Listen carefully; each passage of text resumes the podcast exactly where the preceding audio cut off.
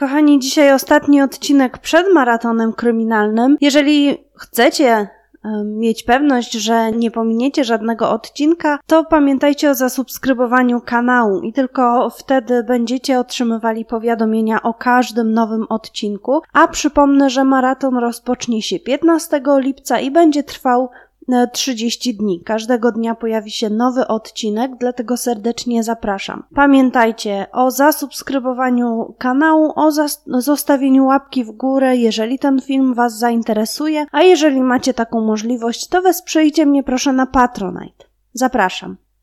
Aleksandra Gładysiak urodziła się 26 lipca 2002 roku, czyli zbliżają się jej 19 urodziny.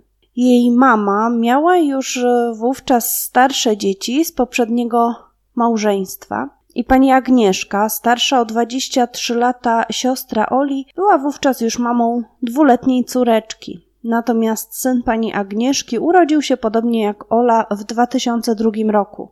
Zarówno mama Oli, jak i jej ojciec nadużywali alkoholu, i z tego względu pracownicy opieki społecznej powiedzieli pani Agnieszce, że jeśli ona nie zaopiekuje się siostrą, to Ola trafi do domu dziecka. I było to w 2008 roku. Dziewczynka miała e, wówczas 6 lat. Pani Agnieszce było bardzo ciężko, ponieważ miała swoje dzieci, ale miłość do siostry była silniejsza i dlatego w 2008 roku Ola zamieszkała wraz ze swoją siostrą Agnieszką jej mężem oraz dziećmi. Mama Oli mieszkała w bardzo bliskim sąsiedztwie, a dokładniej nawet w tym samym w tej samej kamienicy, ale dziewczynka nie chciała wówczas utrzymywać żadnych kontaktów ze swoją mamą. Miała złe wspomnienia, od których e, chciała się odciąć. I dopiero w domu swojej siostry otrzymała namiastkę rodzinnego domu. Pani Agnieszka traktowała Ole nie jak siostrę, ale bardziej jak własną córkę.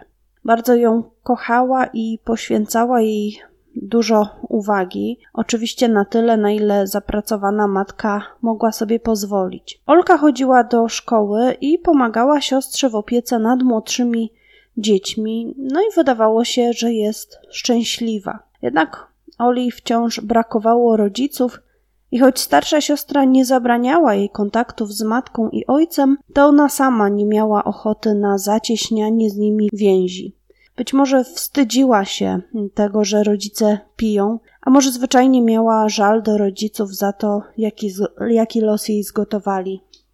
Po kilku latach y, mama Oli rozstała się z jej ojcem. Mężczyzna wyprowadził się do podwłocławskiej miejscowości Kruszyn i początkowo tata starał się utrzymywać kontakty z córką, ale wraz z upływem czasu te kontakty stały się coraz bardziej sporadyczne, aż wreszcie całkowicie zanikły. W tym czasie wyglądało na to, że dziewczynka zupełnie się tym nie przejmuje, z pewnością próbowała pokazać też jakąś swoją siłę, ale tak naprawdę w głębi serca cała ta sytuacja musiała bardzo ją przytłaczać. W szkole inne dzieci miały szczęśliwe, pełne rodziny, a jej brakowało ciepła matki oraz bliskości ojca.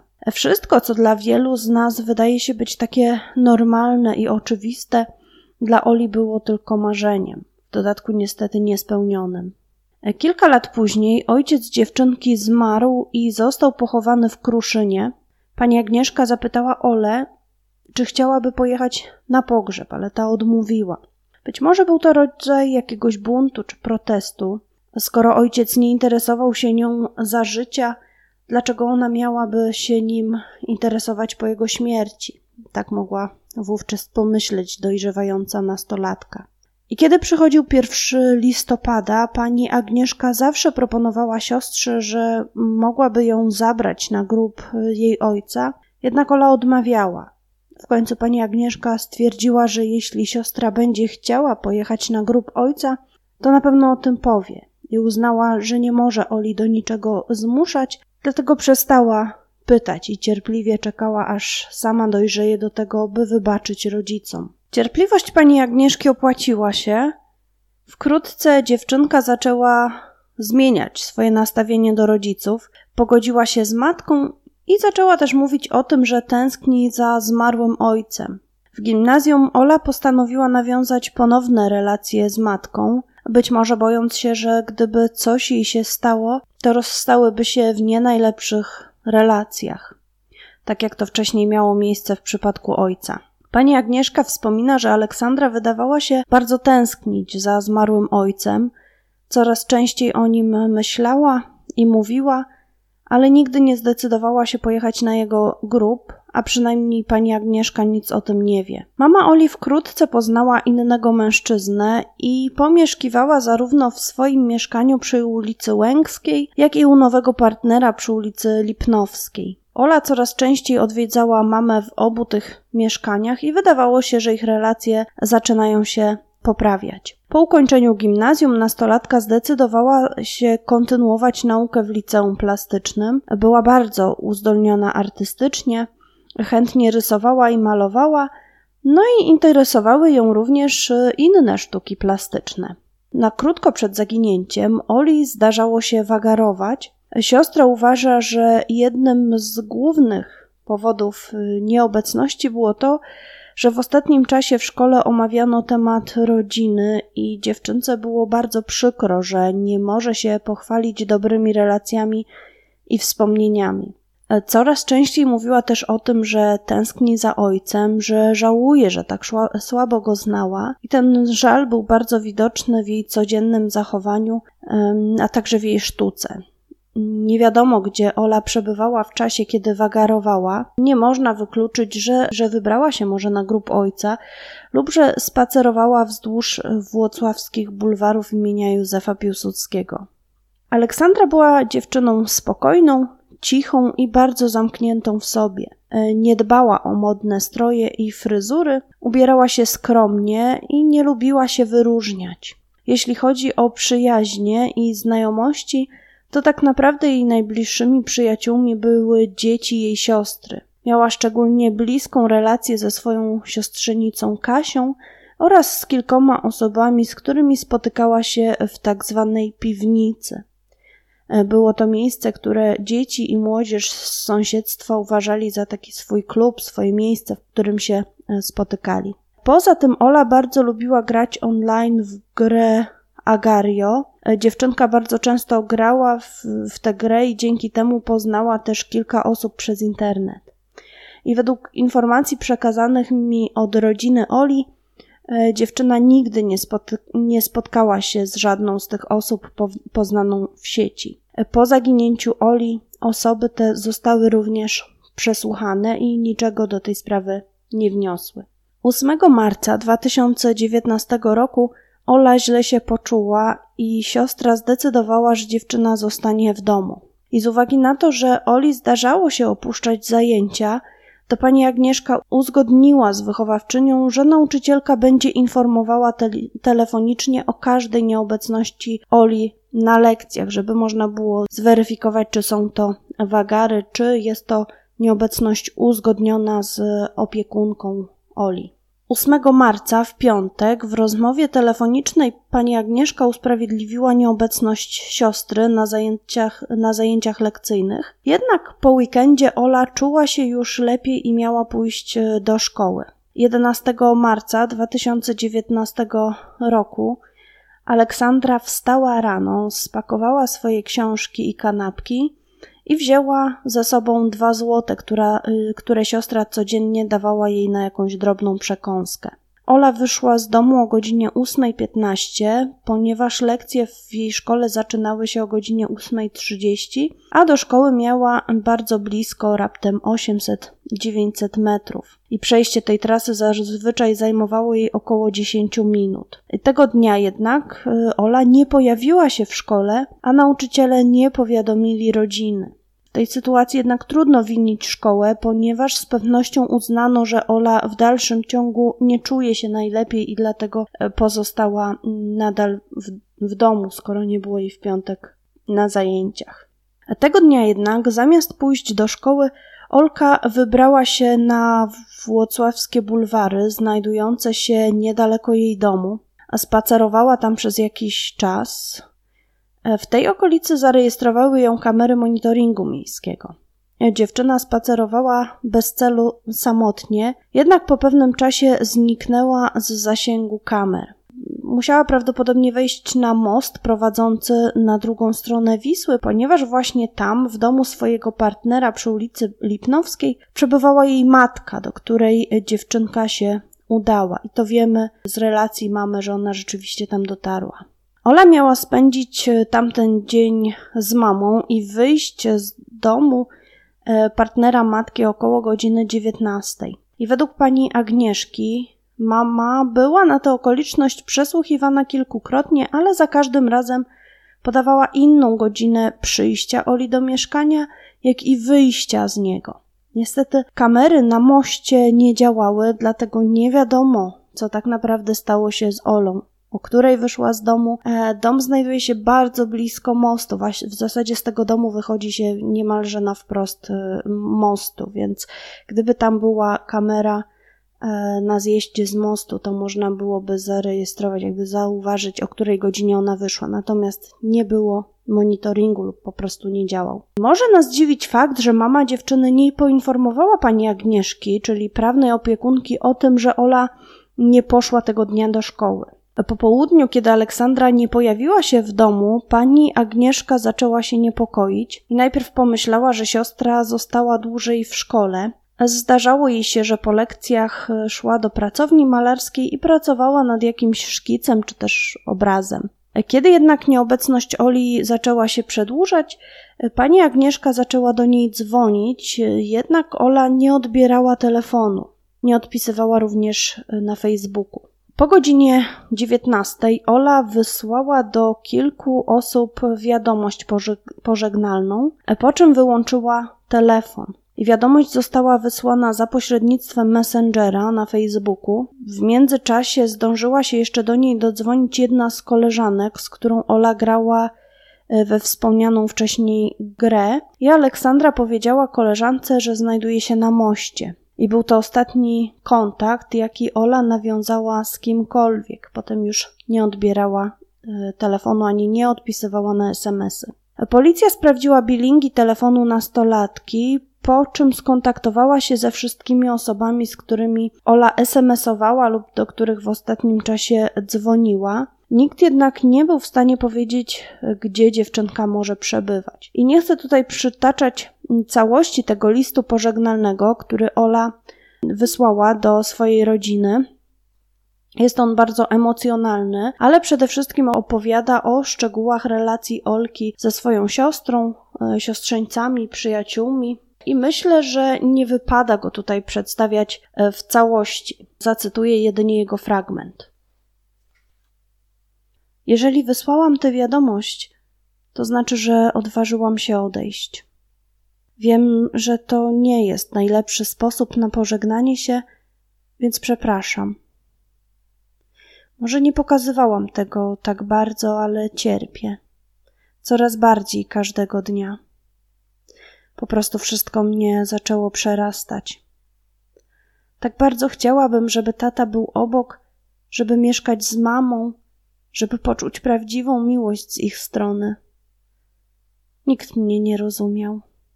Nikt nie wiedział, co czuję. Może powtarzano mi, że powinnam rozmawiać, ale jaki jest tego sens? Rozmowa nie przywróci mi ojca, nie przywróci mi niczego, nie zmieni nic. Przepraszam, że nie widziałam innego sposobu na rozwiązanie tego problemu, ale ja po prostu nie mogę dłużej. Nie chcę dłużej cierpieć, mam dość, dość wszystkiego. Dziękuję za to, że mimo tych złych chwil były też dobre. Było dużo dobrych wspomnień, ale demony przeszłości mnie za bardzo prześladowały, by zakryć te złe. Będę tęskniła, ale nie chcę, żebyście wy tęsknili. Po prostu zapomnijcie.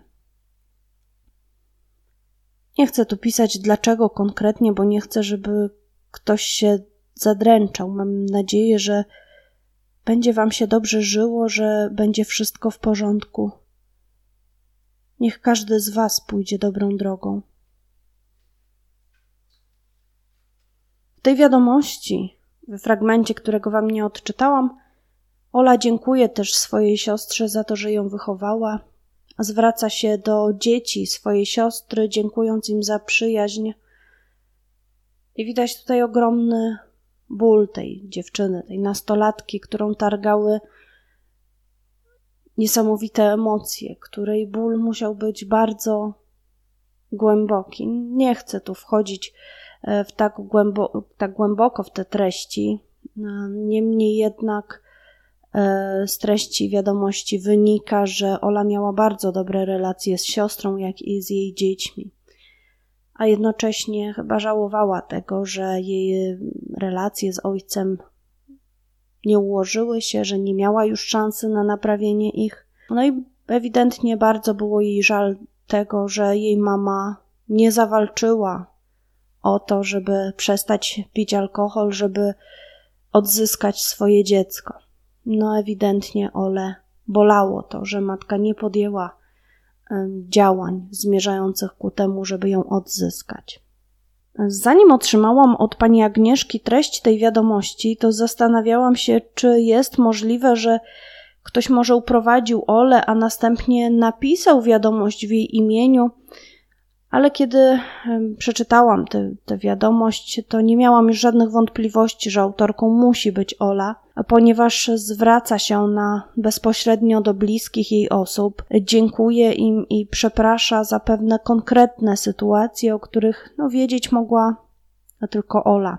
Wiadomość jest y, długa, więc mało prawdopodobne, by porywacz zadał sobie tyle trudu, aby wyciągnąć od Oli ty tyle informacji. I początek y, tej wiadomości może sugerować, że ta wiadomość została przez Ole napisana wcześniej i była jakby przez nią przygotowana, bo być może wahała się, czy ją wysłać, czy jej nie wysłać. Tutaj mamy taki początek no, jest taki wstęp, że jeżeli wysłałam tę wiadomość, to znaczy, że odważyłam się odejść, czyli można się domyślać, że ona już ją wcześniej napisała i w takim momencie dla siebie trudnym po prostu zdecydowała się wysłać i podjąć jakieś kroki, których my do dziś nie znamy. Zaraz po otrzymaniu tej wiadomości pani Agnieszka skontaktowała się z policją i w ciągu kilku minut funkcjonariusze zjawili się w jej mieszkaniu uznali, że list pożegnalny może wskazywać na zagrożenie życia dziewczyny. Obawiano się, że Ola może próbować podjąć próbę e, samobójczą. Policja monitorowała jej konta na portalach społecznościowych, śledziła aktywność jej telefonu, ale od wyłączenia telefonu po godzinie 19 Ola ani razu nie włączyła tego aparatu, nie logowała się również na Facebooku. I policja brała pod uwagę, że dziewczyna mogła y, też posiadać być może jakieś fałszywe konta y, na, na Facebooku czy gdzieś indziej. Y, sprawdzono jej laptopa. Przed zaginięciem na pewno nie posiadała drugiego profilu, a na pewno nie korzystała z niego na swoim laptopie. Jeśli założyła taki już po zaginięciu, to trudno będzie go po prostu namierzyć. Od zaginięcia nie kontaktowała się z nikim, nie grała również też w swoją ulubioną grę online. Jeszcze tego samego wieczoru, w poniedziałek, w dniu zaginięcia Oli, podjęto poszukiwania w terenie. Policja bardzo dokładnie sprawdziła wszystkie rozmowy Oli, zarówno te na Facebooku, jak i na czacie powiązanym z grą, ale żadna z tych rozmów nie dała policji wskazówek co do tego, E, gdzie Ola mogła się znajdować albo co ona mogła planować. Nigdzie nie było informacji, które mogłyby zaniepokoić też funkcjonariuszy. Nie było jakichś wiadomości od jakichś obcych ludzi, jakichś podejrzanych e, dyskusji. Po rozmowie z panią Agnieszką policjanci doszli do wniosku, że być może dziewczynka ukrywa się gdzieś i postanowi pojechać na grób swojego ojca, ponieważ w ostatnim czasie wspominała, że bardzo za nim tęskni ale pomimo obserwacji cmentarza dziewczynki nigdy tam nie zauważono.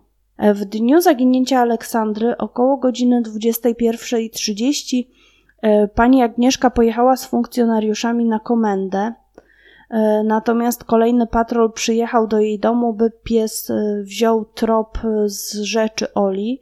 Policja oraz dzieci pani Agnieszki chodzili po bulwarach nad rzeką, po moście i po, po obu stronach rzeki. Tam e, zaprowadził ich pies. Sprawdzono monitoring i okazało się, że dziewczyna była w tym miejscu rano, czyli w czasie, kiedy powinna być w szkole, ona wybrała się na bulwary. Jednak wieczorem już kamery jej z tamtej strony nie zarejestrowały. Oznacza to, że pies mógł poczuć zapach dziewczyny, który no, mógł być tym pierwszym jeszcze z jej porannej wizyty na bulwarach. Postanowiono sprawdzić, dokąd zaprowadzi pies, jeśli pójdzie od strony Lipnowskiej, czyli od miejsca, z którego wyszła Ola o godzinie 19, jak mówi mama. Pies poprowadził mm, przewodnika na most i tam się zatrzymał. Kręcił się trochę w kółko, trochę w tej z powrotem, jednak z jego zachowania wynikało, że coś musiało się wydarzyć na tym moście. Dzieci pani Agnieszki chodziły po moście i w jego okolicach z latarkami, z telefonami, oświetlając sobie drogę. Nie znaleziono jednak niczego, co należało do Oli. Dziewczyna zniknęła bez śladu. Sprawdzono również zarośla po obu stronach Wisły i tam również niczego nie znaleziono. Pani Agnieszka wróciła z przesłuchania około godziny czwartej nad ranem. Przesłuchiwano ją blisko sześć godzin. Policjanci kilkukrotnie czytali list pożegnalny od Oli. Następnego dnia przesłuchano mamę Aleksandry, ale jak już mówiłam, kobieta ta kilkukrotnie zmieniała zeznania i w związku z tym za, zaprzestano dalszego przesłuchiwania jej, ponieważ zeznania nie wnosiły niczego nowego do sprawy. W następnych kilku dniach prowadzone były szeroko zakrojone poszukiwania. Włączyli się do nich znajomi, sąsiedzi, a nawet byli nauczyciele ze szkoły podstawowej czy też gimnazjum, do których e, chodziła Ola. W dniu zaginięcia dziewczyna miała 16 lat, była szczupła, e, miała niebieskie oczy, prosty nos, e, włosy proste blond do ramion i ubrana była w granatową kurtkę, czarną bluzę z kapturem z kolorowymi napisami z przodu, miała czarne obcisłe spodnie, buty sportowe koloru różowego. Miała również przy sobie różowy plecak z książkami. 12 marca włocławski WOPR podjął próbę przeczesania rzeki i tego dnia było bardzo zimno, poziom wody był wysoki, dlatego możliwości poszukiwania były ograniczone w znaczny sposób. Obniżono nawet poziom Wisły, ale po Oli nigdzie nie było śladu. Oczywiście nie udało się dokładnie sprawdzić rzeki, ponieważ e, są w niej miejsca niebezpieczne, do których nurkowie nie mieli e, dostępu. Istnieje zatem pewne prawdopodobieństwo, że Ola mogła skoczyć do wody, po czym jej ciało zaczepiło się o jakiś przedmiot znajdujący się na dnie i dlatego do tej pory e, ciało dziewczyny nie wypłynęło. Czy jest jednak możliwe, że nikt nie widział Oli, E, kiedy skakała z mostu. Most Edwarda Rydza Śmigłego, zwany przez mieszkańców mostem stalowym, jest bardzo uczęszczanym mostem. Jeżdżą po nim zarówno samochody, jak i autobusy. E, sprawdzono monitoringi autobusów, które między godziną 19 a 20 przejeżdżały tamtą trasą i monitoring żadnego z nich nie zarejestrował Oli. Ani sprawdzenie wody, ani też sprawdzenie monitoringów niczego nie przyniosło. Nawet paralotniarz z lokalnego aeroklubu prowadził poszukiwania z powietrza i to również nie pomogło. E, rodzina zwróciła się o pomoc do jasnowidzów i Krzysztof Jackowski twierdził, że Ola żyje i przebywa w jakimś domu jednorodzinnym. Nie wskazał jednak, gdzie dokładnie ten dom się znajduje. E, wszyscy inni jasnowidzowie twierdzili natomiast, że dziewczynka jest w wodzie, że nie żyje. Może ktoś z Was mieszka we Włocławku albo przejeżdżał tego dnia przez Włocławek. Może ktoś jeszcze ma jakiś zapis z kamery samochodowej. Chociaż wiadomo, że to się nadpisuje, tym bardziej, że minęły ponad dwa lata, ale może gdzieś jest jakiś ślad o, po Oli. Ja byłam we Włocławku kilka dni po zaginięciu Oli. Przejeżdżałam tamtędy i mieliśmy taki krótki e, postój w tym mieście. I pamiętam, że widziałam plakat e, ze zdjęciem Oli na Zielonym Rynku. I bardzo wówczas e, zdjęcie przykuło moją uwagę, ponieważ z tego zdjęcia spoglądała bardzo smutna dziewczyna. Pamiętam, że nie mogłam przestać o Oli myśleć, choć wtedy nie znałam e, jeszcze żadnych szczegółów tego zaginięcia, ale często wracałam właśnie do Oli myślami. Może ktoś z Was widział coś tamtego dnia, może zarejestrowaliście coś na kamerze. Pamiętajcie, 11 marca 2019 roku między godziną 19 a 20 Włocławek, okolice mostu Rydza Śmigłego. Sprawa wydaje się być oczywista. Ola mogła popełnić samobójstwo skacząc do rzeki. Czy jednak jest to jedyne wyjaśnienie tego zaginięcia? Możemy brać pod uwagę różne opcje.